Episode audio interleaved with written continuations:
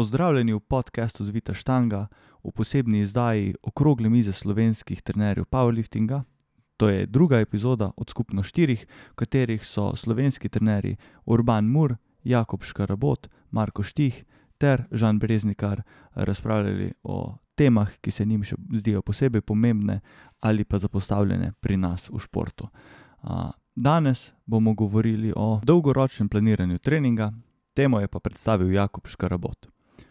Predno začnemo z razpravo, vam bomo samo še na kratko predstavili vse trenerje, če jih še slučajno ne poznate. Jakob Škarabot je po izobrazbi diplomiran kineziolog, magisterij biomehanike ter doktor znanosti s področja nevrofiziologije. Sam ima kar nekaj lepih tekmovalnih dosežkov, in sicer dva nastopa na evropskih ter dva nastopa na svetovnih prvenstvih, njegov najboljši rezultat je pa sedmo mesto na svetovnem prvenstvu iz leta dva tisoč osemnajst. Kot njegov največji trenerski dosežek lahko štejemo srebrne medalje Vida Leskovarja iz svetovnih in evropskih prvenstev iz leta dva tisoč devetnajst ter iz univerzitetnega svetovnega pokala leta dva tisoč osemnajst. Sam pa smatra za dosežek vsakič, ko njegov tekmovalec postavi nove tekmovalne osebne rekorde ali pa naredi vseh devet uspešnih dvigov na tekmovanju, ne glede na to, za kakšen rang tekmovanja tu gre. Naslednji trener, ki se nam je pridružil, je Urban Mur, ki je po izobrazbi doktor fizike, kot trener dela pa že približno sedem let. Začel je kot samouk, v tem času pa je opravil IPF licenco za trenerja ter pripravništvo pri The Strength Guys, kjer je trenutno tudi del ekipe. Na tekmovanje je do sedaj pripravil več kot 40 tekmovalcev iz štirih držav, od tega jih je devet tekmovalo mednarodno. Največji uspehi njegovih varovancev so peto in šesto mesto na Evropskem prvenstvu, eh, šesto mesto na svetovnem prvenstvu, skupna zmaga na univerzitetnem pokalu po točkah, tretje mesto na kadetskem Evropskem prvenstvu ter mladinski svetovni rekord v potisku s prsi. Um, te uspehe so dosegli njegovi dvigovalci Katja Babič, Jakob Škarabot, Nuša Železnik ter Niko Delbijanki. Sam je tudi izkušen tekmovalec z mednarodnimi nastopi in državnimi rekordi, je pa tudi mednarodni sodnik prve kategorije in predsednik Powerlifting zveze Slovenije vse od njene ustanovitve. Naslednji trener, ki se nam je pridružil, je Marko Štih. Marko Štih je ustanovitelj slovenskega trenerskega podjetja Lift to Learn, ki se ukvarja predvsem s treniranjem powerlifterjev, ampak tudi nekaterih drugih športnikov. Uh, sam ima že deset let izkušenj kot trener, dela pa tako s slovenskimi, kot tudi mednarodnimi tekmovalci. Dvigovalci pod njegovim okriljem imajo številne naslove državnih prvakov, državnih rekorderjev ter nastope na mednarodnih tekmovanjih. Zadnji trener, ki se nam je pridružil, je Žan Breznikar, ki je po izobrazbi diplomiran kineziolog in ima upravljeno IPF trenersko licenco druge stopnje. S treniranjem se ukvarja že nekoliko več kot pet let, je pa ustanovitelj in glavni trener podjetja Phoenix Training Systems. Pod njegovim okriljem tekmujejo tako powerlifteri, kot tudi olimpijski dvigovalci v teži. Med dosežke lahko štejemo številne državne prvake in prvakinje, državne rekorderje ter rekorderke, kot največji dosežek pa lahko verjetno štejemo evropsko kadetsko podprvakinjo v potisku s prsi. No, pozdravljeni v drugi epizodi. Naša druga tema bo dolgoročno planiranje treningov, predstavljal jo bo Jakob Škarabot. Tako da lahko kar začneš, Jakob. Okay, sprav, jaz sem si izbral to temo predvsem z večjih razlogov, načeloma, ampak jaz osebno vidim problem v razvoju powerliftinga, v pregorelosti juniorjev kot, kot enem problemu, in drugi je problem Instagrama, ki vodi v odločitve, ki niso mogoče najboljše za, za dolgoročen uspeh.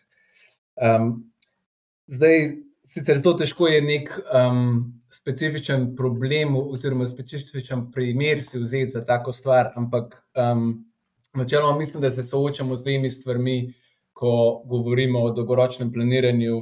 In če vzamemo neki primer, dosti mladega, perspektivnega tekmovalca v recimo, zgodnjih 20 letih, imamo načeloma z vidika programiranja um, problem, ali se lotiti nekega maksimalnega recoverable volumna, se pravi, največ volumna, ki, ga, ki ga je sposoben ta uh, tekmovalec prenašati, in s tem v bistvu močno pospešiti v začetni fazi, saj močno pospešiti uh, napredek.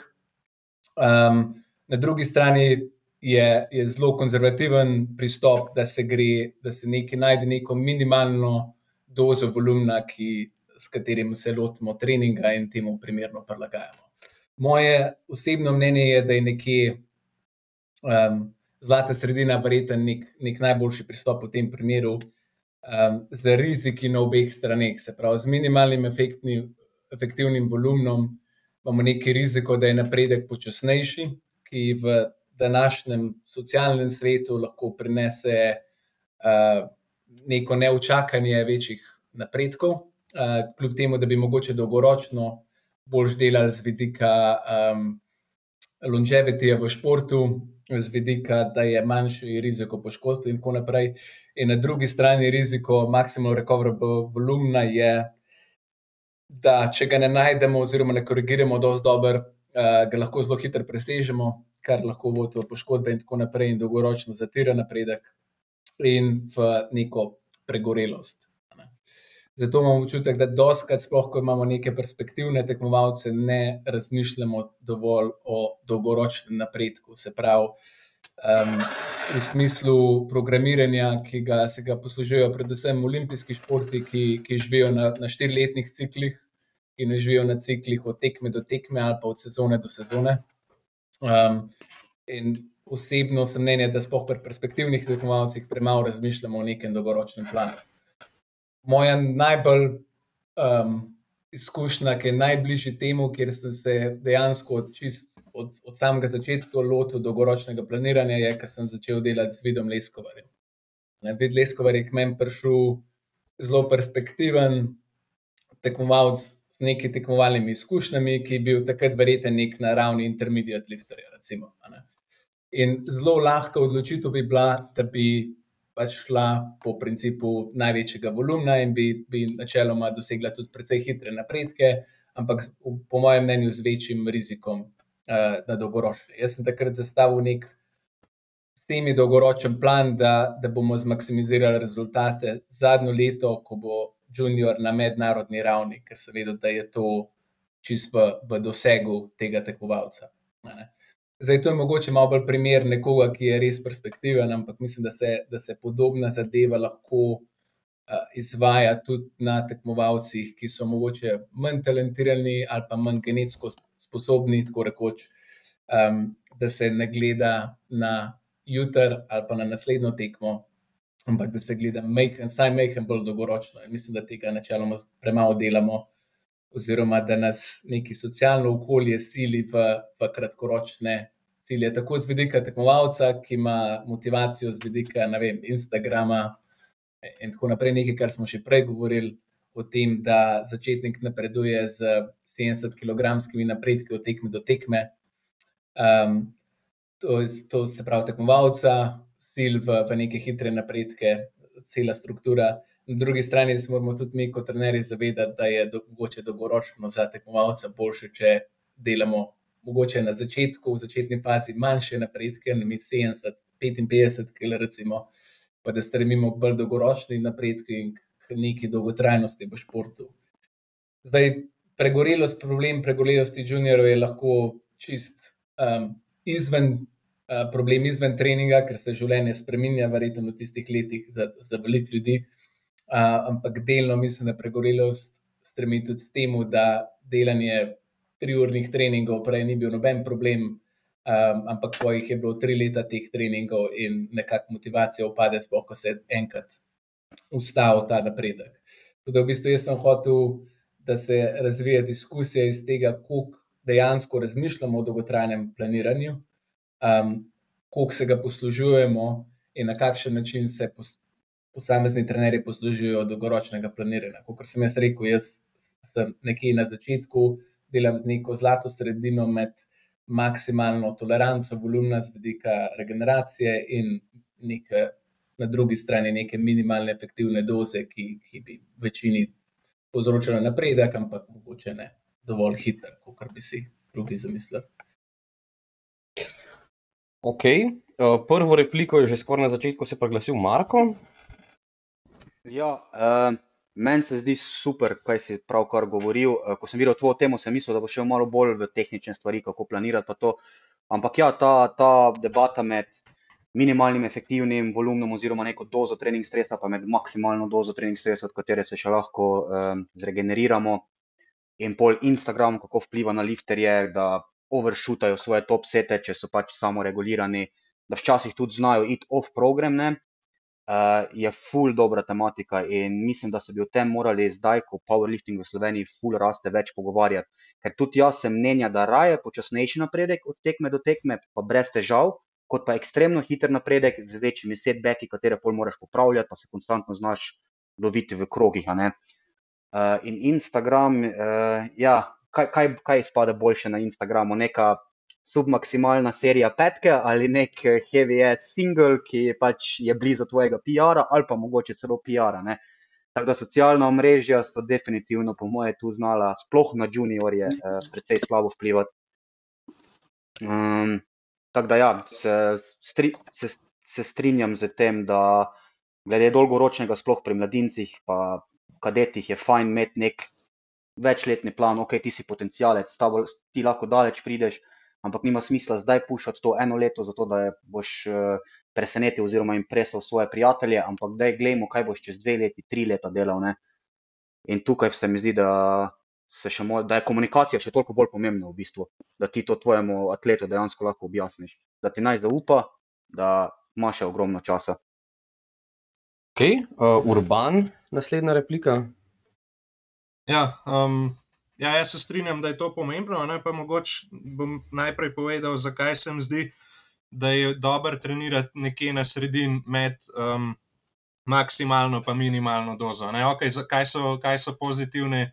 uh, efekti maksimalno in tako hiter napredek, ne pač imaš neke rizike zaradi tega. Um, um, tako da mogoče se včasih zdi minimalna doza zelo privlačna, ne, če, če ful razmišljamo zdaj dolgoročno. Um, ampak tudi po mojem ni dobra zaradi tega, ker. Um, Lahko, lahko bo tekmovalec, ker tako počasi napreduje, izgubil motivacijo. Um, uh, lahko pa tudi ena druga stvar je, pač, ne moramo od vseh tekmovalcev pričakovati, da bodo trenirali celo življenje. Eni imajo, eni imajo pač željo relativno hitro biti zelo dobri. Um, in pri takih bo pač treba mogoče hitro napredovati, bo treba trenirati uh, več kot z minimalno dozo. Druga stvar je pa, dokler je tekmovalec še relativno mlad, ima več časa za treninge. Um, Uh, več, boljši recovery, ne, potem, ko prideš enkrat iz juniorskih let, se začne življenje, začneš delati, um, pač moraš skrbeti vem, za, za finance, za družino, ne, in takrat mogoče izgubiš interes v treningu. In, in mogoče po eni strani je, je dobro, da začnemo dosta trdo trenirati, dosta zgodaj, da ni čist prelahki treningi, ampak še vse ne največ, kar lahko možno treniramo. Ne.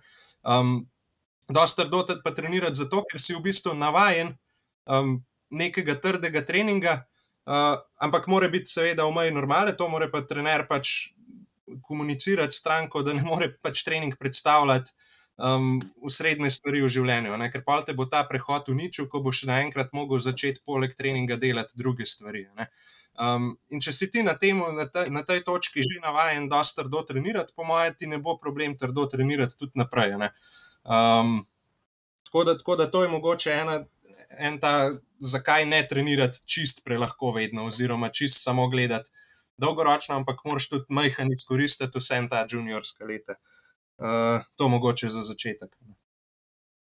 Ok, Žan.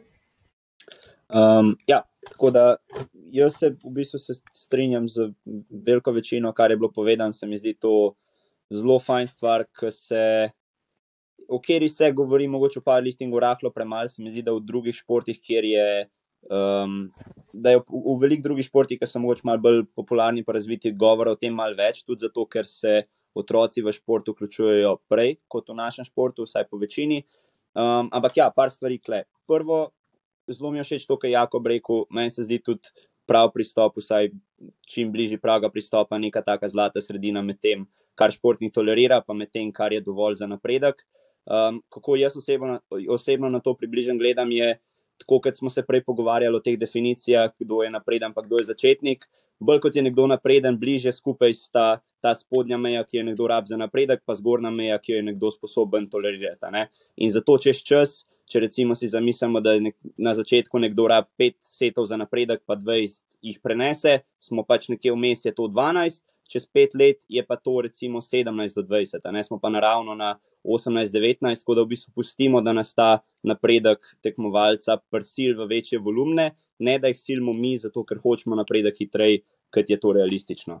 Um, druga stvar, kar se mi klej zdi zelo smiselno, je, da se pravimo izogibati velikih sprememb. Se pravi, da, da ne delamo orjaških skokov volumna, intenzitete, frekvence, zato ker lovimo neke više napredke, ki mogoče sploh niso realistični, ampak da je vse to zelo konzervativno. Da če, tudi če se nam zdi, da bi nekdo prenesel 30% več volumna, ga povišamo samo za 10%, pa vidimo, kako se to izide, oziroma če je to dovolj, da stimuliramo več napredka. Zato, ker je fajn imeti neke rezerve, vsaj za lifterje, ki še niso mogoče na, na čist advanced nivoju, glih za to, da imamo zapola.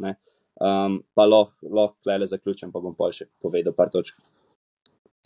Okay, ena stvar, ki sem v bistvu uh, mislil, malo razvit to, je Jakob rekel, ki je z Lesijom delal, da sta v bistvu planirala na zadnje leto juniorjev. Verjetno to zaradi, pač, mislim, kot sem ga razumel, zaradi tega, ker pač se je videl, da ima uh, Lesi pač ogromen junior potencial, da bo on lahko, če se kot junior dobro razvije, pač se, se zelo dobro uvrstil, bil zelo kompetitiv tudi na mednarodnem nivoju. Imam pa zdaj eno vprašanje, oziroma en tak pomislek sem imel. Če imate enega lifterja, ko je pa recimo ne vem, nekje v poziciji, kot sem jaz, ki je še recimo leto, dve junior, pa nima neke zelo realne šanse biti kompetitiv na mednarodnem junior nivoju, a se potem dolgoročno planira, da se mogoče to junior sezono dve um, nekako mal povoz oziroma mal hendikepira. Uh, kot žrtev za uh, boljši napredek potem v Open, da se recimo pol cilja, da bo vem, v dveh, treh, štirih letih Opena pa lahko recimo kompetitiv v Open kategorijah. Um, ja, zelo je odvisen od konteksta, bi jaz rekel, ker ne poznam celega konteksta. Um, Siguren je bilo pri lesju to, to si jasno, da so potencijali zelo visoki, zato je bilo tudi vredno v bistvu tako planirati. Um, Zdaj, mogoče brez konteksta je zelo težko reči, ampak obe dve opciji, tudi recimo v tvojem primeru, bi bili obe dve opciji realni. Se pravi, ne, mogoče na mednarodni ravni, mogoče je to državna raven, recimo, da, se, da se zmaksimizira juniorje na državni ravni, če bi to tvoji interesi oziroma ambicije. Um, zdaj, tudi odvisen, kje smo na tem nekem dolgoročnem planu in kakšni so bili napredki prej, in kaj lahko pričakujemo v prihodnosti, kjer bi je mogoče, kdaj bi bilo več vreden na dolgi rok delati počasnejše, pa mogoče ne izkoristiti tistih juniorskih let rezultatsko gledano. Uh, ker drugače se strinjam z Urbanom, da, da je neka vrednost izkoriščanja juniorskih let z vidika tega, da so življenjski stresori precej manjši, kot bodo verjetno kadarkoli kasneje. Tako da na nek način moramo to izkoristiti, brez da bi um, nekako spodbujali zgorelost in, in um, dvigovali riziko poškodb. Uh, v bistvu moj, moj odgovor je dost klasičen, da je odvisno od, od konteksta. Ampak obe opciji bi bili čisto realni, glede na kontekst, tudi za tvoj primer, razen. Recimo, da bi lahko ful vedeti vse, um, da bi lahko bolj svetoval v tem primeru. Ok, uh, Urban, si imel to prvo repliko. Ja, daj, kaj je ta kontekst. Jaz mislim, da je to motivacija posameznika, kaj, kaj nekoga žene za to, da trenira. Um, če nekdo, pač nekoga, ki mogoče ni čisto v vrhu, ga ne bojo, ga ne bojo gnali dosežki, da bi dosegel medalje, da bi dosegel ne vem kaj, ampak ga bo gnali neki na dolgi rok. Ne? Mogoče bi rad enkrat v življenju dosegel normo. Um, In mogoče pri takem tekmovalcu se splača ga majhen bolj nazaj držati, počasi graditi, ne poskrbeti, da napreduje, vsako tekmo nekaj, da je konstantno motiviran, ker pač zmagati mogoče ne more, ne, če ni dovolj dober, dovolj genetsko nadarjen za to. Ampak da ima konstantno tisto motivacijo. Ne.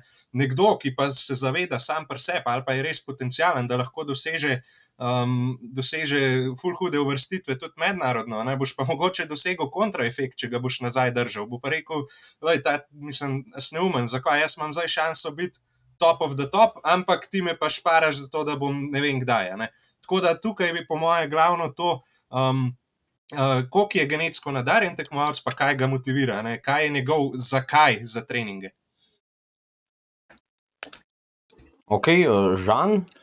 Ja, točno to, kar je Urban rekel, v bistvu, ker, ker je kle ta, ta težek give and take, ker tudi načeloma ponavadi je tako, da boljši, ima nekdo napredek, boljša ima tudi motivacijo. Ne? Zdaj je to, mora biti to v mejah normale, ampak ja, se hitro zgodi, če nekoga preveč paraš, sploh osebi, ki je potencijalna, pa zelo ambiciozna, to hitro gre v nosa. Ne? Tako da je v bistvu, v bistvu kle tudi malo treba razmisliti čez to.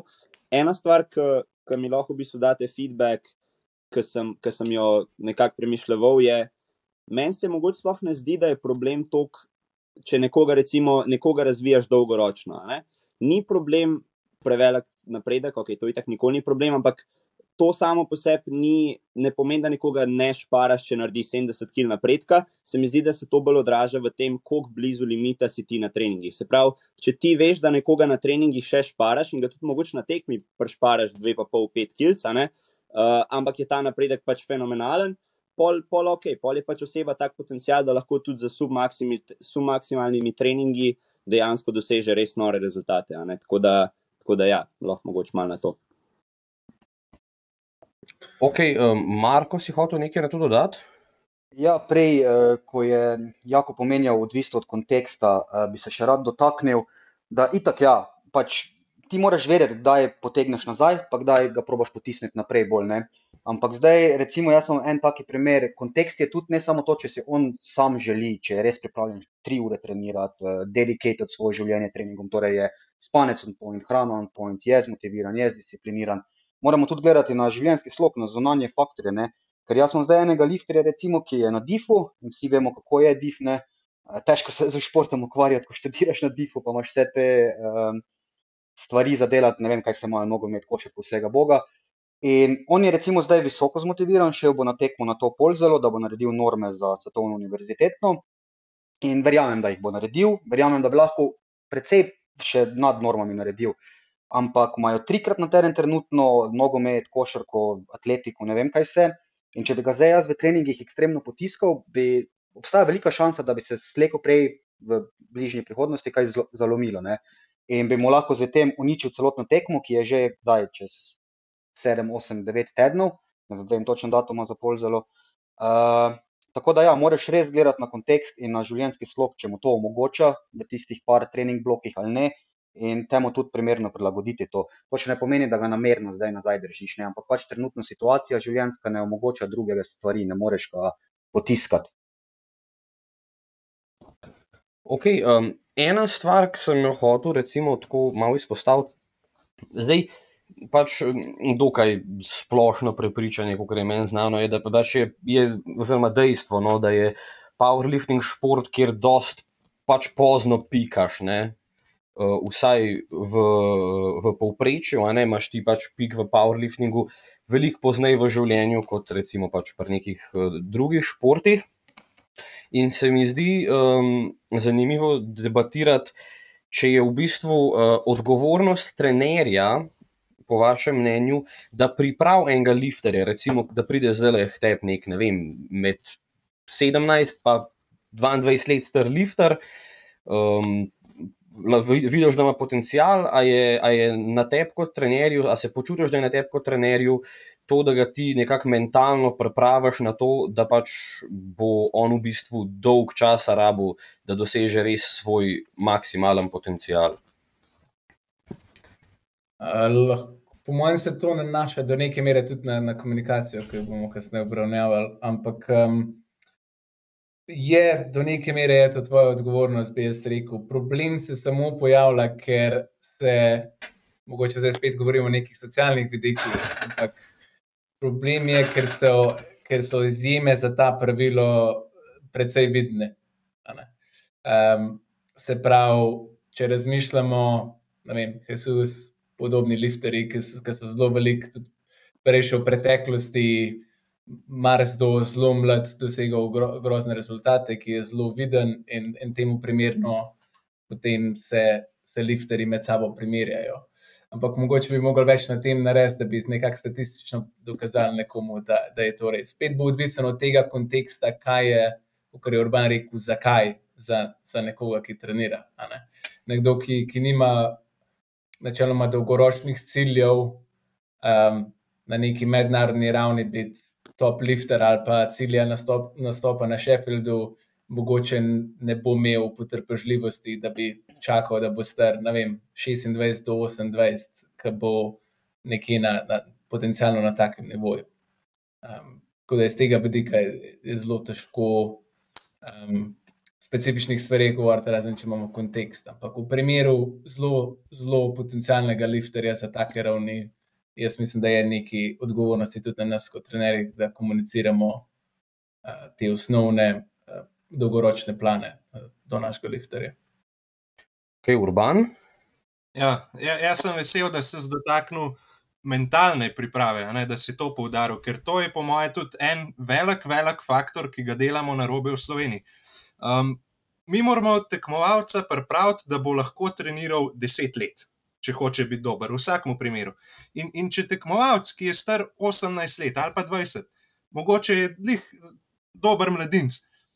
In da tak tekmovalec, da se mu življenje vrti okoli treninga, da mora biti na treningu vse idealno, da mora biti perfektna oprema, ob perfektni uri moraš trenirati, ne moreš se predstaviti na drug rek.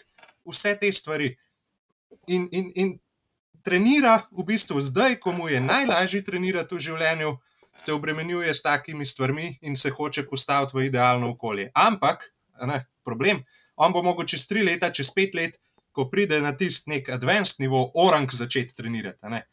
In takrat ne bo mogel pač na tak način spraviti treninga, ki ga mora narediti za napredek, več v to časovno okno, ker mu bo preprosto preveč časa, preveč mentalne energije oduzela.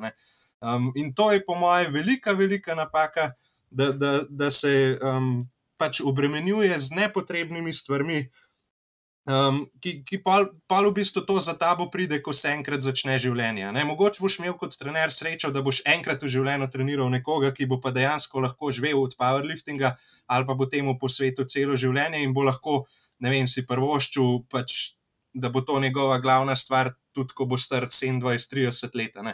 Ampak za večino ljudi to ni res. Ne? In zakaj pa nehajo trenirati, ko so pač ko nehajo biti juniori, zato ker je prej cel življenje bil glaven trening, ne? samo to se je vrtelo okoli tega, vse je moglo biti perfektno, zdaj pa ti naenkrat začneš delati. Ne? Ne moreš več iti v gim sred dneva, ko se najbolj počutiš, ampak po šihtu, ko imaš malo zmatrano glavo, vse to, um, in kar naenkrat ti vse dol pade. Ne? In tukaj se mi zdi, da je največji problem pri nas v Sloveniji. Ok, uh, Žan.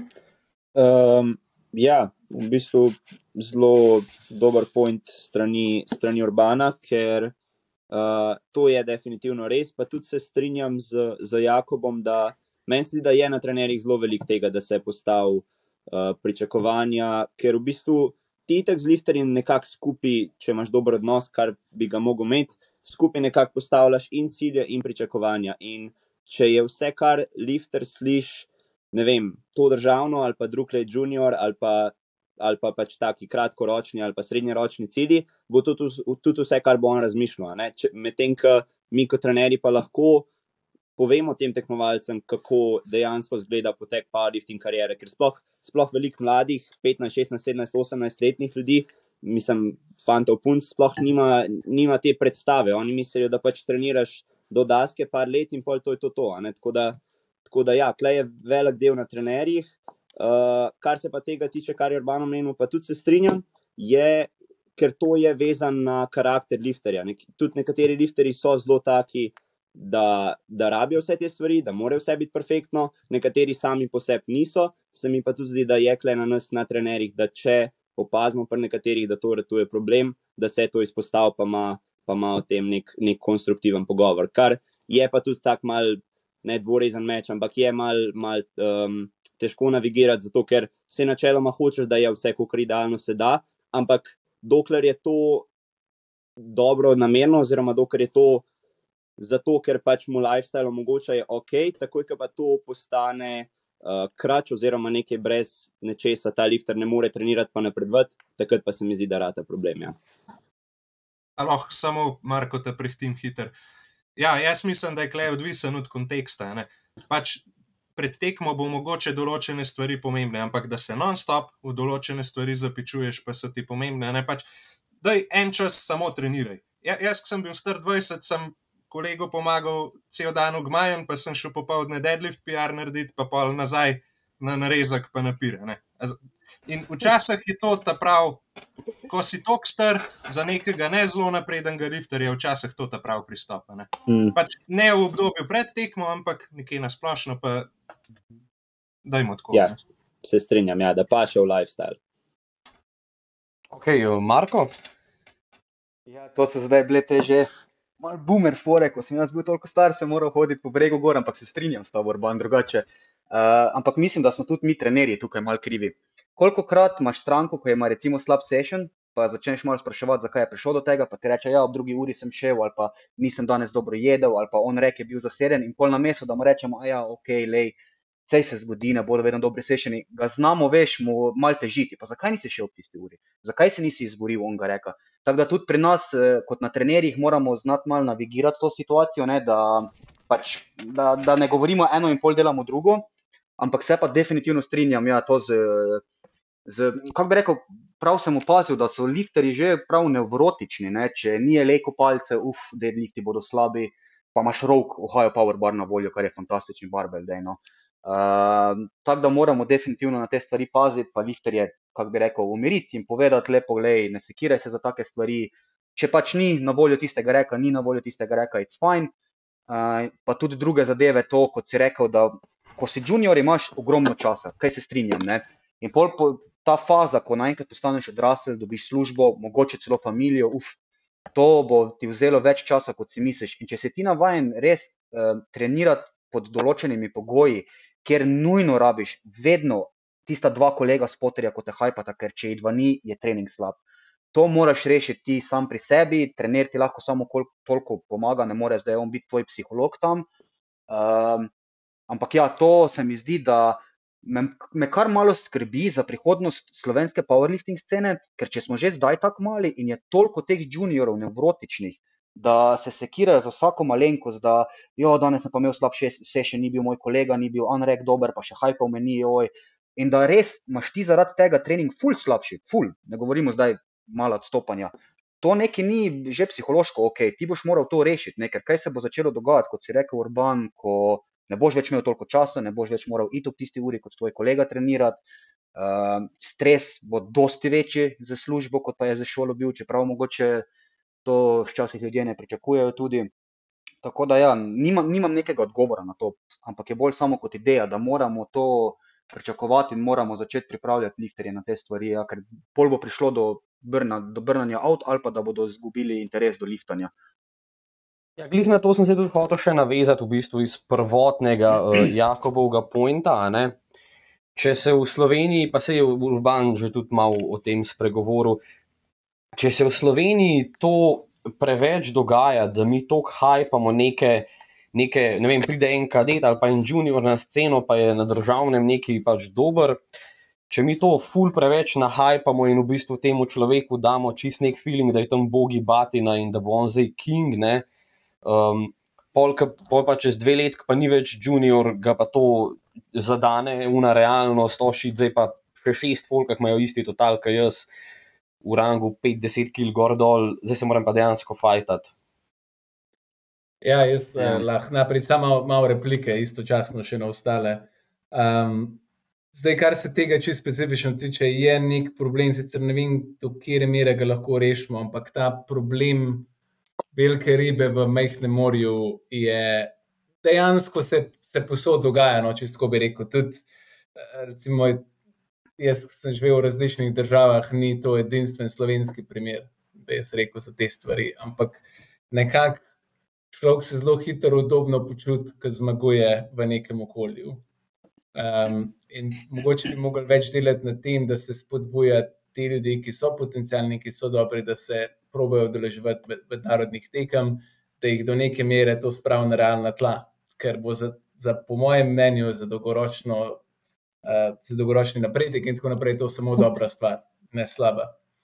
Um, Čisto, kar, se- kar se tiče tega dostopa do upreme, se bolj strinjam. V bistvu je to dvorezen meč, meč napredka zveze in, in scene v powerliftingu. Se pravi, tisti, ki ste bili mogoče okoli na prvem državnem prvenstvu PLZS-ja, kjer smo se mogli sposoditi Elejko štango, ki je bila edina v Sloveniji, noben od nas ni treniral na upremi, tako se zagre. Mogoče smo kdaj šli kam, pa smo se pravili, full delač za un zadnji teden pred tekmo, da smo, smo utrenirali na, na ta pravi ne. Večina od nas ni imela tega dostopa. Zdaj, ko imajo vsi nekako, vsaj do neke mere dostop, ali pa relativno blizu dostop do tega, se nekako pričakovanja za določen trening povečajo. In tukaj jaz se strinjam z Markotom, je, da je na nam, da rečemo, da v bistvu ne, ne delamo nekega big dela z tega, ker je bila zadeva narejena na drugem reku in je pač performance slabši za, za en trening. Sploh, ko, ko gre za trening, ki se ne dogaja v, v sklopu priprav na tekmovanje, oziroma v sklopu priprav na tekmovanje, na katerega primarno ciljamo. Bi še jaz dodal.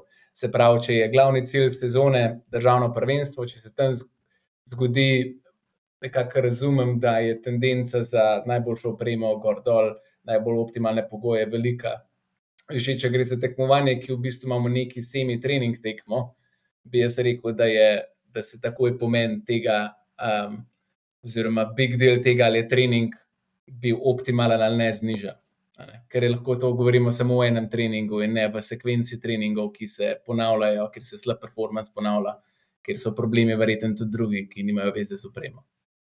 Um, tako da nekaj je na nam, nekaj je na nam tudi tako organizacijsko, oziroma z vidika scene, da se, se spodbuja ljudi, ki so potencialni in ki so velike ribe v majhnem morju, da grejo malo pogledat, kaj se dogaja na oceanski ravni. Ok, Žan, uh, replika. Ja, se pravi, vse, kar je, kar je Jako povedal, se mi zdi super.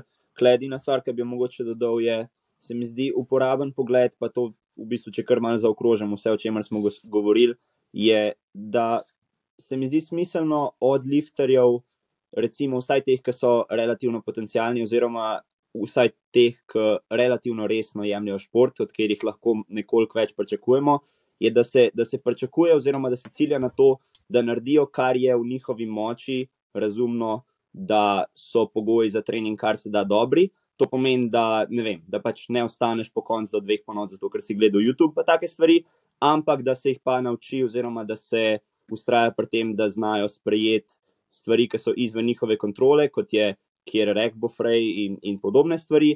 Uh, poleg tega se mi pa zdi zelo uporabna ideja, da se to prioritizira v sezoni, oziroma da so časi v sezoni, kjer se take stvari bolj poudarja, in časi, ko se manj. Naprimer, takoj po tekmi, ko nekdo začne nov volume blok, se nima komorkoli karkoli reči, če grejo na trening, mogoče ob drugem času, ker jim s faksom to bolj ustreza, ali pa ne dobijo perfektne opreme, ali pa se ne zmenijo z unimi prijatelji, s katerimi radi trenirajo. Ampak, če ima pa nekdo najtežji deadlift session sezone, pa gre, pa ne vem, pa ne je prej zato, ker je pozabil, to pa pol je mogoče stvar, ki bi bilo fajn nek, z nekom se pogovoriti, sploh če je resen glede liftanja. Ne? Tako da tako nekak, to je nekako moj pristop, kar se tega tiče. No? Ja, um, v bistvu tle s to opremo, ne, jaz vem, jaz, ki sem začel čisti iz uh, nule na najbolj S opremi, pa sem pa šel v Belšaku, sem se takoj razvadil, uh, elejko reka, elejko uteži. Ampak, mm, a se vam zdi v bistvu, da, ja, se kot ste že malo prej uh, napeljali, da je Fulkratu mal preveč dependent na to opremo. Mi smo zdaj imeli celo situacijo v Alfi glede um, novih kalibriranih uteži, pa tekmovalnih štang, pa tega. Um, A je folk mogoče rado preveč fokusiran na to in pozabil v bistvu na čista point powerliftinga, pač sam pejt pa dvigan. Ne? Ja, jaz mislim, da je kle predvsem problem, ker, ker zdaj smo že tako daleč, da imamo malo razlike med tekmovalci. ne. Za nekoga dejansko je zelo pomembna oprema, ki je tisti advanced, advanced lifter, ne kle, če govorimo o tisti optimizaciji enega procenta, ki smo prejšnjo epizodo govorili. Ne, tam je pomemben dejansko. Čist konkreten primer, tedaj ne more počepati, če je rek preširok. In on na navaden mu je Louis rekel, ne more, ne more dobro narediti počepa, ker ne more prijeti ker se teli aprajti ne dajo dati na noter. Čist pač on, on težkega počepa ne bo, ne bo tam delal, čeprav bi drugače lahko čist dobro naredil. Ali pa drug primer, če ti počepaš 300, je važno, da imaš dobro palco, ker se ti bo pač slaba palca, ne vem, ukrivila ali pa nekaj. Ne? In, in, in mogoče pa klep tisti, ki mogoče še niso tako dobri, kar je, kar je doskrat tudi pol nekak trend, se oni preveč obremenjujejo z opremo. Um, pa, pa še uh, tisti, ki bi se pa mogli, se pa ne, ne? Tudi, tudi, tudi v to smer gre. Um, pa, pa še ena stvar, ki sem prej hotel reči, da, ne, je, da mogoče telik so res potencialni, da je problem, ker da jim mi tako jih začnemo, o, ti si pa res potencijalen, ti boš pa nekaj dosegel, preden je človek sploh še začel resno trenirati. Ne.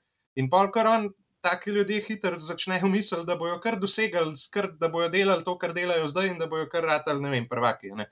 Um, pač treba jih je postaviti na realna tla, ne pelati jih na mednarodne tekme, da bojo videli, da morajo orang delati, da bojo nekaj dosegali, ne, in da to, kar ne bo prišlo samo od sebe. Ne. In moramo nehati govoriti pač ti si potencijalen, ti si to, ti si uno. Um, moramo se osredotočiti na zdaj, rečemo, ok, naredil si vrhunski rezultat za, za kadeta, ampak če hočeš biti dober, pač boš pa mogel še toliko, pa toliko časa trenirati.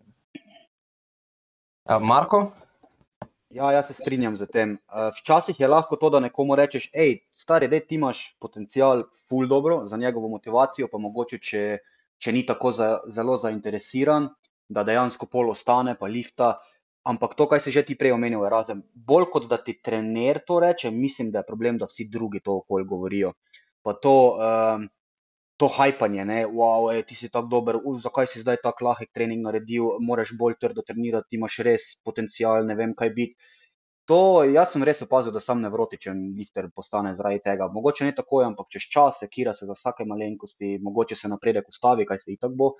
In že paničari že izgubljajo voljo, sploh recimo za mednarodne tekme, uh, ker je doma navaden biti skozi top 3, pol pa malo pogleda rezultate od mednarodnih tekem, pa vidi, oh, jaz bi bil na tej tekmi 12, eh, sploh ne bom šel na Evropsko ali pa kaj takega, to se tudi že dogaja. Um, tako da ja, pač imamo na, na tej fronti, mislim, da imamo kar dosti še za narediti uh, in nimam čistega odgovora, kako. Ampak po mojem, ja, to drugi lifteri se naj zavedajo, da da pač ne rabijo komentirati vsega. To, to bi mogoče omenil. Ne?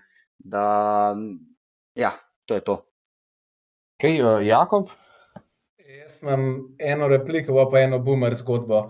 Um, replika je v bistvu na to, da je, um, kar je zdaj Marko govoril, v smislu tega, da je nekoga, ki je na nekem nivoju, na nek način zaradi vsega tega socialnega pritiska, praktično stran trenirati submaksimalno ki je v določenih fazah sezone in, in makrociklu in tako naprej, čisto normalna stvar in, in se mora tudi načeloma um, ponavljati.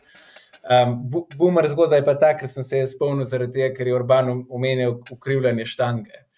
Moj prvi počep čez 250 km, za tiste, ki me morda ne poznate, jaz sem tekmoval v 74, pa 83, takrat sem bil v 83 kategoriji, pa nisem bil tudi približen 83 um, je bil 255 kg počepa na nekalibriranih platah, se pravi, neki, neka umestna faza med um, klasičnimi čim platami in um, bumperji in štango, ki tudi približno ni bila, ker ni bila firma. Ne vem, kaj je bila firma v bistvu tiste štange.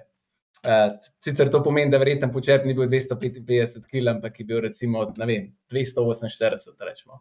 Ta štanga se je sicer ukrivila, ampak point tega je to, da jaz takrat dejansko nisem imel možnosti počepati na drugi opremi. In jaz sem v Evropsko prvenstvo čez 14 dni in jaz sem v tisto planu. In ker nisem v druge možnosti, jaz sem pač mogel tisti počep narediti. In pač ta dostop do opreme je, dostopnost opreme je do neke mere izrodila to zadevo, kljub plus ostali principi. Um, socialni pritiski in tako naprej. Ampak dostop do opreme, če ga nimaš, pač moš nekaj narediti. In jaz sem bil takrat v situaciji, ker nisem imel izbire, kot da počepnem 255 kg na nekalibriranih platih in na štange, ki se je pač potem ukrivila za, za nedoločen čas. Ok, uh, žal. Ja, vse po moje večino, itak te teme smo kar dobro obdelali. Um, dve stvari čišče na hiter. Se pravi, kar se tiče tega, da ljudje, recimo, da kašni ne uh, čutijo toliko pritiska, da si ne upajo trenirati sub, submaksimalno ali, ali pa nočejo na mednarodna tekmovanja, zato ker niso top 3.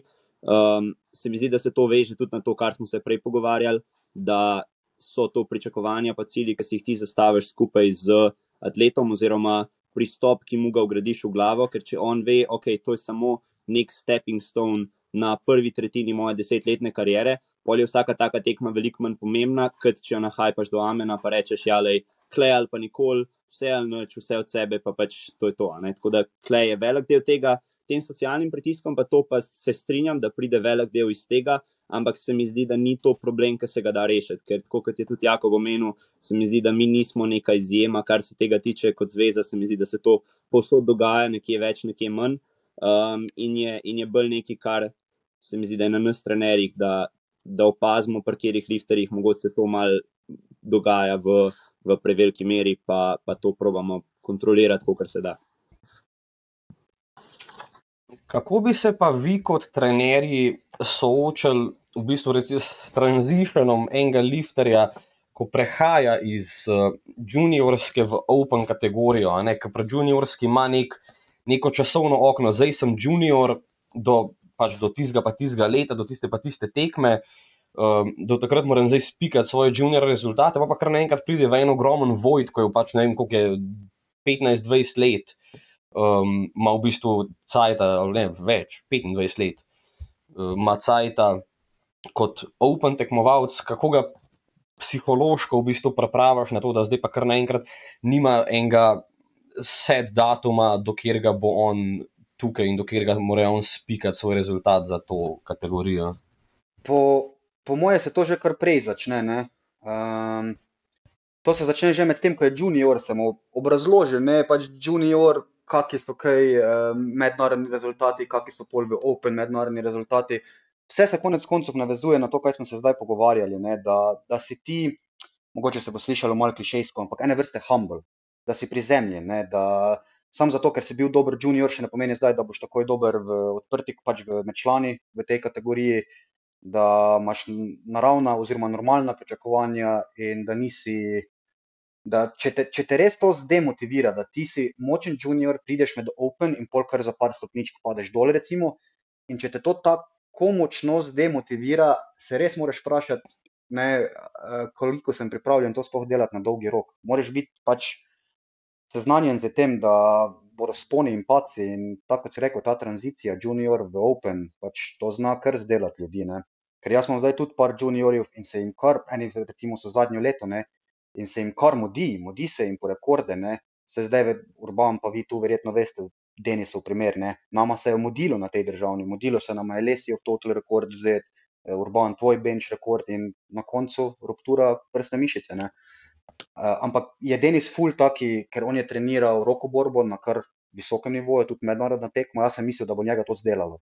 Ampak ne, se je dobro gor pobral in rekel, gledaj, nima veze, pač to okno se je zdaj zaprlo, ajde, če še letos do KDU uh, eh, Open, če bo decembrska tekma, naredim tekmo, pol super, če ne pa ok, grem dalje. Ampak mava mi dva tudi z Denisom, on je pri meni zdaj že ne vem, 3-4 leta in mava tak, sva kar naredila dober odnos, on je tudi taki, uh, ni, ni neki full social media guy, tako da njemu je vseeno, kar si ljudje mislijo o njem, kaj drugi atleti delajo. In mislim, da je zaradi tega tudi tako bolj prizemljen. Tako da pričakovanja so vse pač kot, kot trener, moraš ti uh, imeti že za sebe pričakovanja, nekaj, kar boš z določenim športnikom naredil, pa pol še njega v tem negovati do neke mere. Ok, Žan. Ja, še na, še na to, kar si ti razum odprl. Um, meni se zdi, da je velik del tega, da nekoga prvič je že to, se mi zdi, da je kar problem. Če nekdo pride v open kategorijo, pa, pa ob tem čuti demotivirano, zato ker mogoče ni več, ni več na vrhu ali pa, ali pa top 3, pa, pa ga to tako orang potovče, da, da sploh ne ve, če bi še treniral, to je velik problem, ker verjeten se je ustvaril že veliko prej. Drugač pa ja, delno se strinjam, mislim, se strinjam s tem, kar je povedal Marko, to je treba že naprej začeti planirati.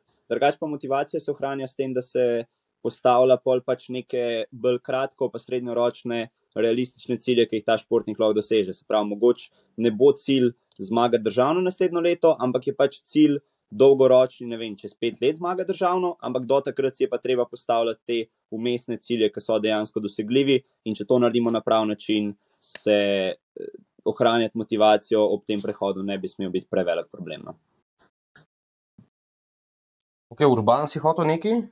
Ja, to, kar je Marko govoril o socialnih omrežjih, je po mojem pomemben, da, ne, da probamo ne preveč si ustvariti identitete okrog powerliftinga. Ne. Sploh to, da nisem objavljanje vsakega treninga na socialna omrežja, pa iskanje nekega feedbacka konstantno, ne. to po mojem ni dobra, dobra opcija, ne. ker pač ljudje na začetku je, na začetku, dokler ti gre dobro, pa je potencijalen si, pa to je vse fajn, ne pa se pa enkrat stvari ustavijo ne, in je hitro problematično lahko.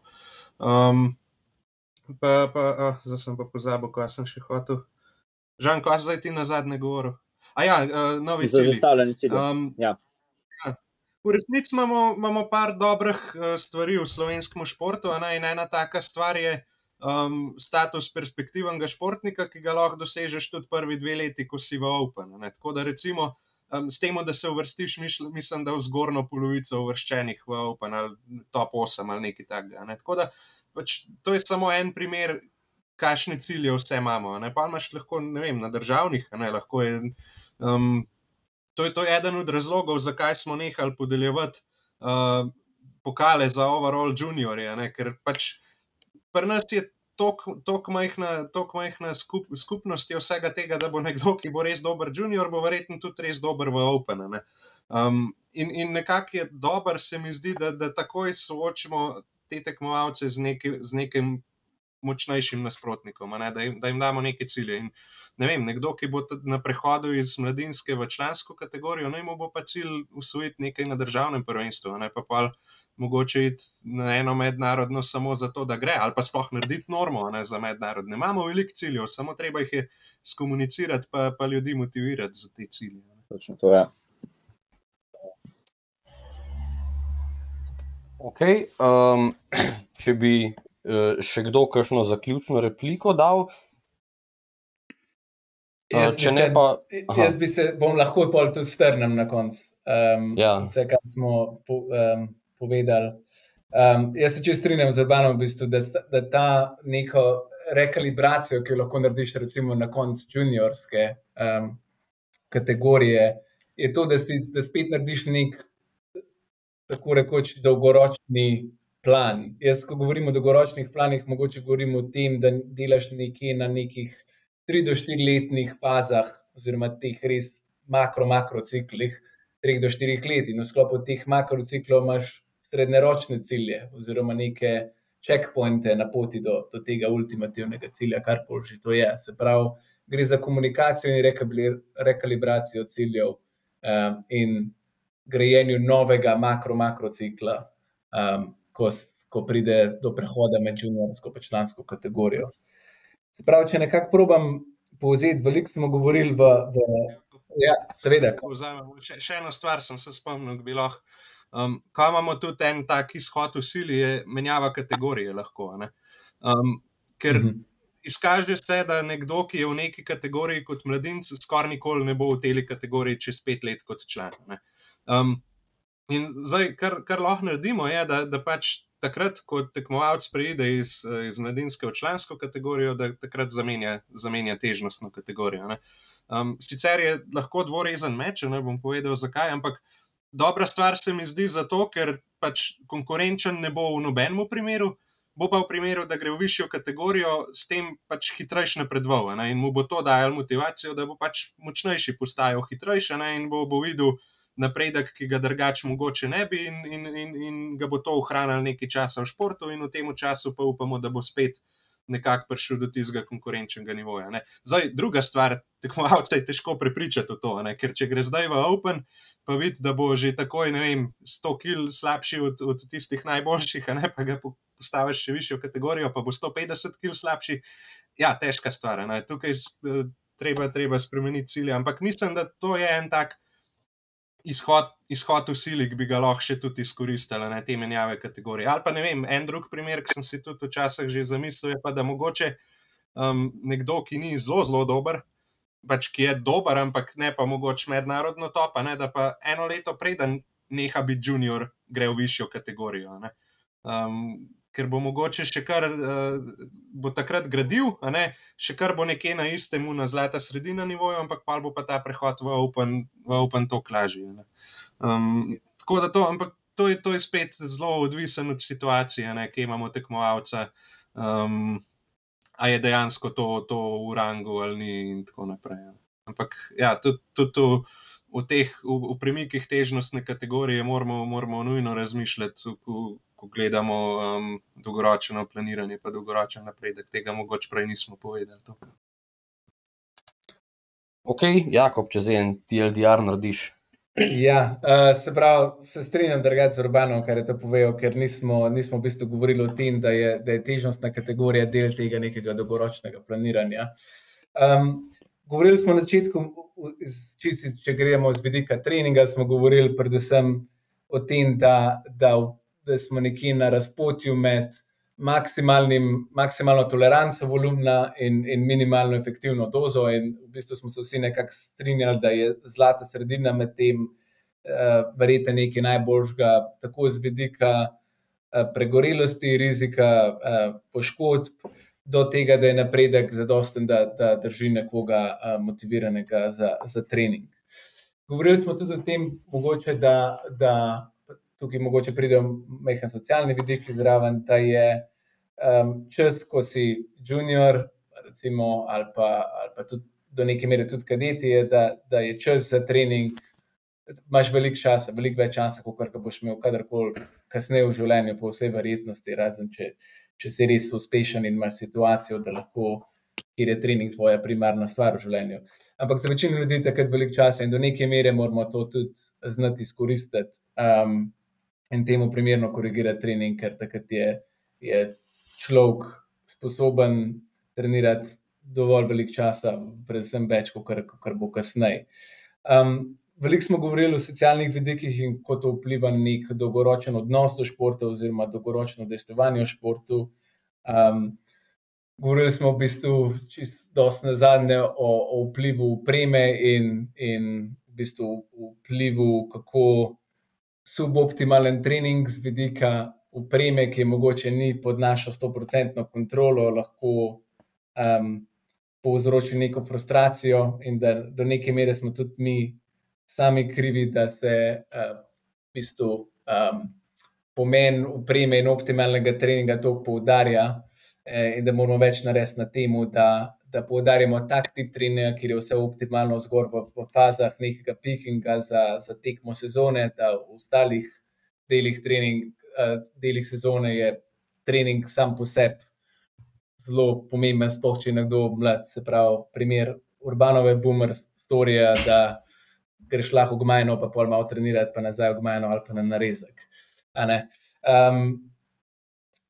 Kaj smo še govorili? Veliko smo govorili o vplivu Instagrama, oziroma o vplivu tega, da se, pravi, se na, na, navezuje tudi na optimalnost treninga, da je, je vidnost, kako treniraš, ima, ima delno vpliv uh, na, na, sam, na samo frustracijo posameznika in, in pač ima do, vpliv na dolgoročno um, programiranje treninga.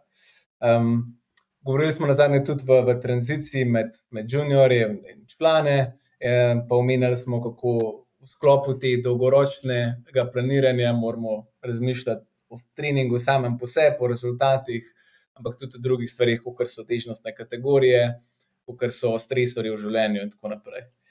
Tako da upam, da sem povzel, če ne pa ostali lahko še dodate. Um. Ja, mislim, da si v redu povzel. Uh, S tem zaključujemo našo drugo epizodo eh, te štiridelne serije eh, Coaching Roundtable. Eh, hvala vam za sodelovanje in ja, se, se vidimo spet v naslednji. Hvala, da ste prisluhnili tej epizodi okrogle mize slovenskih trenerjev powerliftinga. To je bila naša druga tema od skupno štirih, naslednja bo izdana že prihodnji teden, do takrat pa ostanite močni.